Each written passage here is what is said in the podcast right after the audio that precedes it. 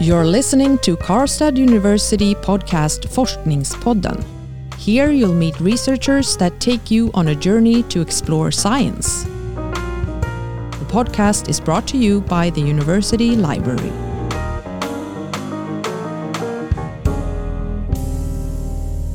Hello and welcome to Forskningspodden. My name is Karin. And my name is uh, Magnus. We are joined today by Katherine Svensson. A warm welcome to you, Katherine. Thank you so much. You're a doctor in uh, public health science here at KAU and here to talk about your thesis Early Life Environmental Exposures and Children's Growth, a longitudinal study evaluating prenatal exposure for endocrine disrupting chemicals and nutrition in relation to children's growth up to seven years of age. And that's quite a title. it is. Tell us more about your thesis. Sure. So, my thesis is about, as you mentioned, environmental exposures and specifically in early life. Uh, here I focused on the time of pregnancy, as there is so many things that happens when the fetus is growing and developing. So we were interested to know what is the effect of endocrine disrupting chemicals, maternal nutrition in relationship to children's birth weight, uh, growth, and different markers of body fat at five and seven years of age. Um, wh where can some of these endocrine disruptive chemicals, or EDCs, as you mentioned, be found? How are we exposed to them? That's a very good question. And actually, we are exposed to them everywhere. That's kind of what I think about. They are in um, different hygiene products. They are used as uh, pesticides or plasticizers, so we in different plastic bottles, but even in in different um, um, things that we use every day, such as um, Teflon or even sports gear that are uh, waterproof, for example. Th mm -hmm. Those are just like typical things where you can see these chemicals. And the interesting thing is that they do leak in uh, to our food, so into the environment. Some of them are short half life, which means that our body can metabolize them into short periods of time, but others are persistent and can accumulate in our bodies and nature. So it's difference.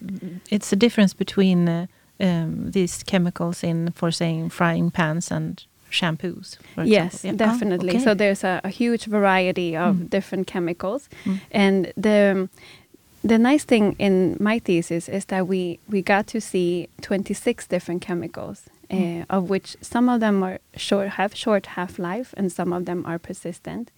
And that was one of the things we wanted to look at. What is the effect or the mixture effect also called the cocktail effect on our health? Mm.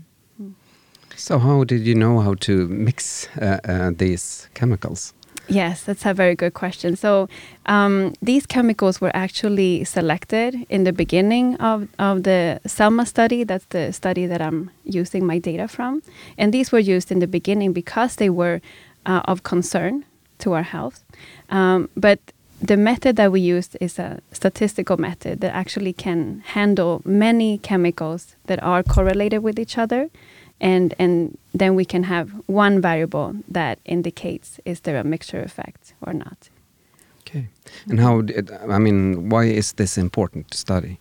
Yes, it's very important because some of these chemicals are um, not regulated or they are replaced with very similar chemicals. So the concern is that the health effect is still there because of the chemical structure being still uh, very similar, and and the fact is that we are exposed to them every day. So even if we can metabolize them rapidly, the long at long term the effect the the exposure is is still there. So it's the health concern, and also that there might be a health effect even at low doses. What are the most important results in your study? Yeah, we did find a mixture effect of these uh, 25 different chemicals. We mm. saw that higher concentrations during pregnancy was associated with lower birth weight, uh, a slower growth in the first time in infancy, and also different um, effects for boys and girls in terms of BMI and body fat. What yeah. were some of the differences for for boys and girls? Yes, very good question. So we saw that higher concentrations was associated with lower BMI for girls, but higher BMI for boys, mm -hmm, mm -hmm. and the same pattern in terms of percent of body fat. So that was very interesting mm -hmm. um, because there has been previous studies on mixtures, but they haven't found these uh, sex differences that we did. So this is something that we are contributing to the to the research. Um, but it is consistent with other studies that have looked at single chemicals or animal studies that have found sex differences. And how problematic uh, do the are the are these uh, sex differences uh, uh, for for the boys and girls? Right. Um, so the effect that we saw, they're um, very small. Even though they're significantly statistically significant, but they are small. So for the individual level, it it could be assuring that we don't have to worry because it's not an acute effect. But in terms of the population, it is something that we are exposed to every day. Yeah. And I'm looking only at these markers in terms of uh, birth weight and children's growth and body fat. But this is just one of many studies that look at different health domains. So we see that these endocrine disrupting chemicals they can affect our health in various ways, in terms of um, neurocognition, reproductive health. Uh, now here we are seeing also with with growth and body fat. So the concern is that they are affecting our health, even though the effects are small. And if you're a sort of uh, concerned parent, uh, is there anything you can do to to protect from these uh, hazards? Right. I think the the main message is that these chemicals needs to be regulated. It has to come from a higher um, level because on an individual level we can only do small changes. If someone is interested and can do small changes, then I would say um, avoid a plastic um, containers for food or in our microwaves. Maybe reduce things that have perfume, or um, we can reduce our makeup. We don't have to use them every day. Um, buy organic food if it's possible, if we have the means to do them. So there are small things that we can do. But I always think about that one small change can make a difference. We don't have to do all of them.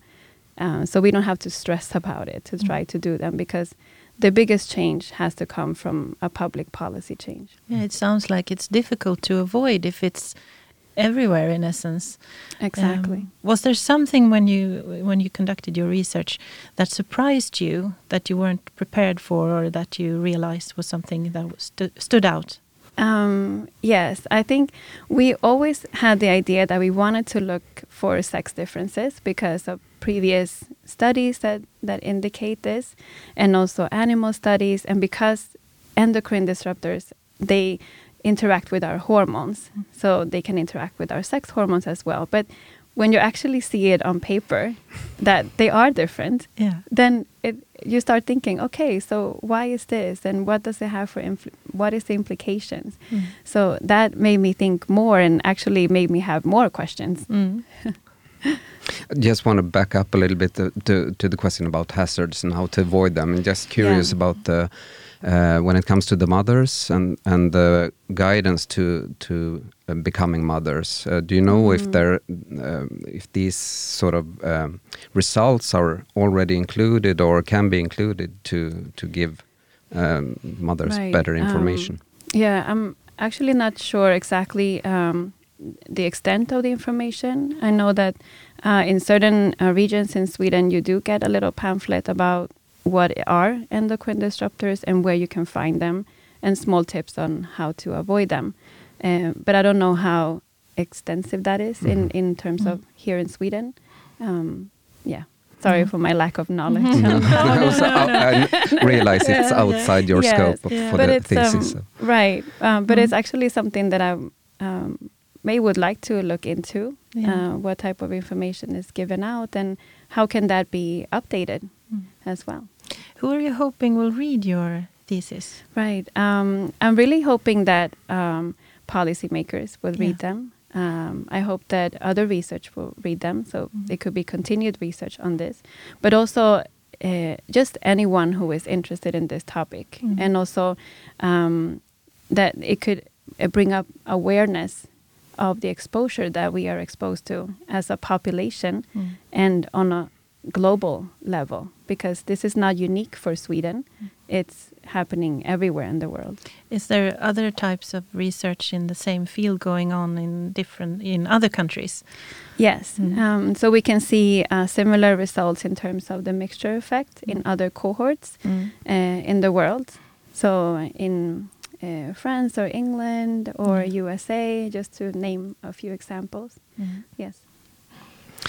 Uh, before we started the, the interview, you mentioned that you Mhm. have a postdoc now in New York. Uh, Yeah. are you ab ab able to continue this line of research, or are you studying some, something else now? No, my my goal is to continue in this area of research, uh, specifically of um, exposures during early life and how that can affect children's health.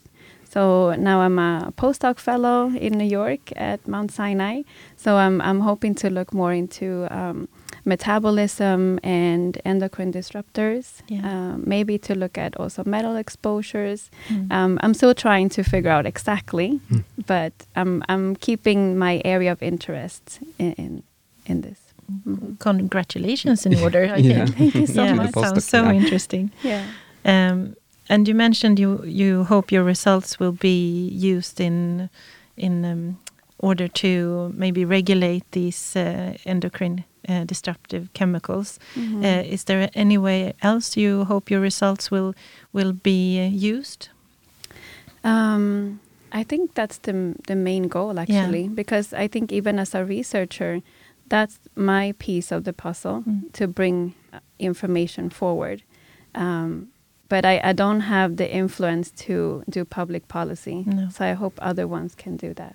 Maybe we should uh, take this opportunity to uh, let all the policymakers out there know that this thesis is here and you should read it. Yeah, Yeah. exactly. Okay, well, now your thesis is uh, finished. It's here in Mhm. front of us. Mhm. Uh, do you have any advice for new PhD students embarking on this journey of research? Yes, to say you can do it. Yeah. Just be determined and have patience. This is a marathon. Mm. It's not a short term run. Mm. It's keep going until you reach that goal. Yeah. Great tips. Yeah, I think so too. Yeah. And I think it might be a good way to to end the podcast. Yeah. Thank you so much, Katherine, for being a guest on uh, Forskningspodden. Thank you so much. We wish you all the best in the future, of course. Katherine Svensson's doctoral thesis is available for download for free in our publication database DIVA. Thank you for listening to our podcast. Until next time. You have listened to the Karlstad University podcast Forskningspodden, brought to you by Karlstad University Library. More episodes can be found at kau.se slash forskningspodden.